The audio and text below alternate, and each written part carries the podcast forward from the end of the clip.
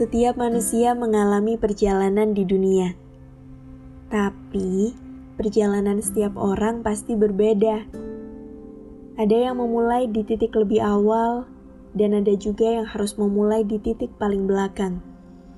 Ada yang memulai dengan merangkak, berjalan, berlari, atau bahkan terbang. Satu hal yang sama adalah kita semua pernah merasa ingin saling mendahului berusaha menjadi manusia pertama yang mencapai garis finish. Entah itu hanya terlintas di pikiran atau bahkan sudah dilakukan.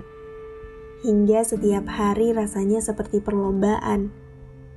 Melihat manusia lain mencapai garis finishnya lebih dulu, seketika merasa kecewa dan sedih dengan diri sendiri. Kenapa sih aku harus tertinggal? Kenapa aku harus berjalan lebih lambat? Wajar jika merasa seperti itu, tapi jangan biarkan semua perasaan kecewa dan sedih malah membuatmu berhenti berjalan. Bangkit dan mulai perjalananmu. Rasanya gampang banget ya aku ngomong kalimat itu. Padahal sendirinya nangis selama semingguan. Gak apa-apa kok.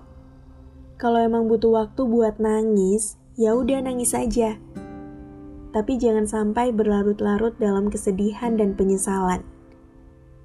Kalau kata temenku, menyesali sesuatu lima menit sama saja dengan membuang waktu selama lima menit. Jadi kalau dirasa udah cukup sedihnya, coba untuk berjalan kembali. Walaupun harus memulai dengan merangkak atau bahkan berjalan dengan tangisan, yang penting kita sudah berjalan karena kita tidak pernah tahu apa yang akan terjadi di depan. Sebenarnya, kalau dilihat lebih dalam, tertinggal dan berjalan lebih lambat tidak seburuk apa yang kita pikirkan. Dengan berjalan lebih lambat, kita bisa melihat segala sesuatu lebih detail, mensyukuri setiap hal kecil yang mungkin saja terlewat ketika kita berlari kencang.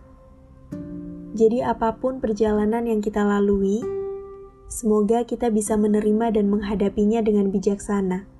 Atau jika tidak, maka kita tidak akan belajar apa-apa.